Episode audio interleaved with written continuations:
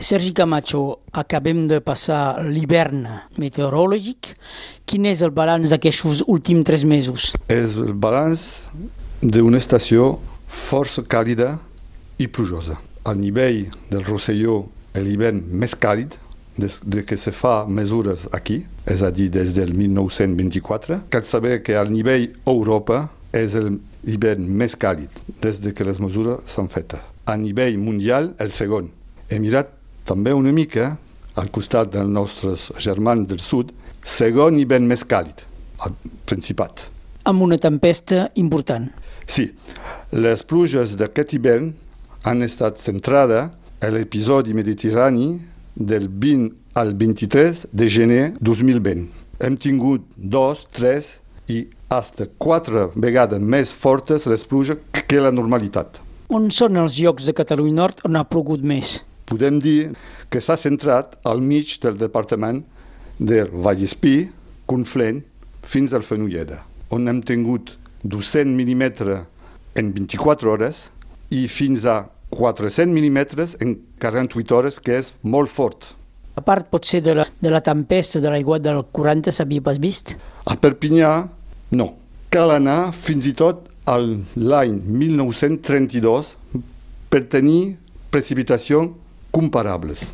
Quins són els, els valors destacats, a part d'aquesta pluja, a nivell de temperatura? A nivell de temperatura hem tingut tres mesos molt càlids, que sigui desembre, gener o febrer. Però el mes més destacable és el mes de febrer, amb un inici primer, 2 i 3 de febrer molt, molt càlid, una mica de calburada d'hivern, podem dir-ho així, amb temperatura de més de 20 graus una mica per tot. Per exemple, hem tingut 25,4 graus el 3 de febrer a Perpinyà, 26,8 al Bolú. Això són mesures primaverales ho cal dir així, són una mica de calorat a l'hivern, que és espantós. Després una gran caiguda de neu, les estacions d'esquí potser s'havien pensat que haurien tingut neu per uh, molt de temps, però després hi ha hagut aquest, aquest calor. Aquest calor ha fet que la cota de neu ha pujat i molt. Per donar un exemple, ara mateix tenim cota de neu a 2.500 metres. Com que després d'aquest episodi de la tempesta Glòria han tingut pluja. També algunes característiques per al mes de febrer? Hem tingut un mes de febrer molt sec. Per exemple, a Porvendres no han tingut cap pluja de tot el mes i de per tot el departament hem tingut un, dos, 3% de la normalitat. Això vol dir també que aquestes altes temperatures vol dir que el risc de gel ha disminuït? No, no. Això vol dir senzillament que hi ha una alteració de la climatologia.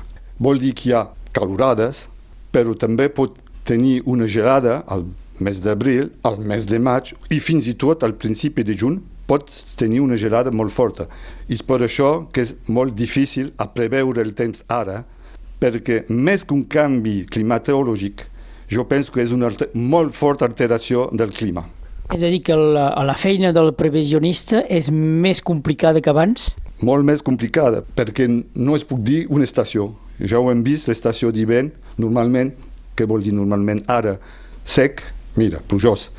El fred no n'hi ha hagut. Tres mesos consecutius amb forta temperatura. No es pot preveure fins i tot dintre 10 dies que passarà a aquest urcilló. El temps de previsió que podeu assegurar, quan és? Més o menys 10 dies. I més lluny, menys certitudes. Llunyà es pot veure les temperatures. La mesura de temperatura és molt fiable, però els altres paràmetres, que sigui pluja, cronologia, molt incert. Sergi Camacho, moltes gràcies. I als auditors de Radio Ores també. Fins aviat.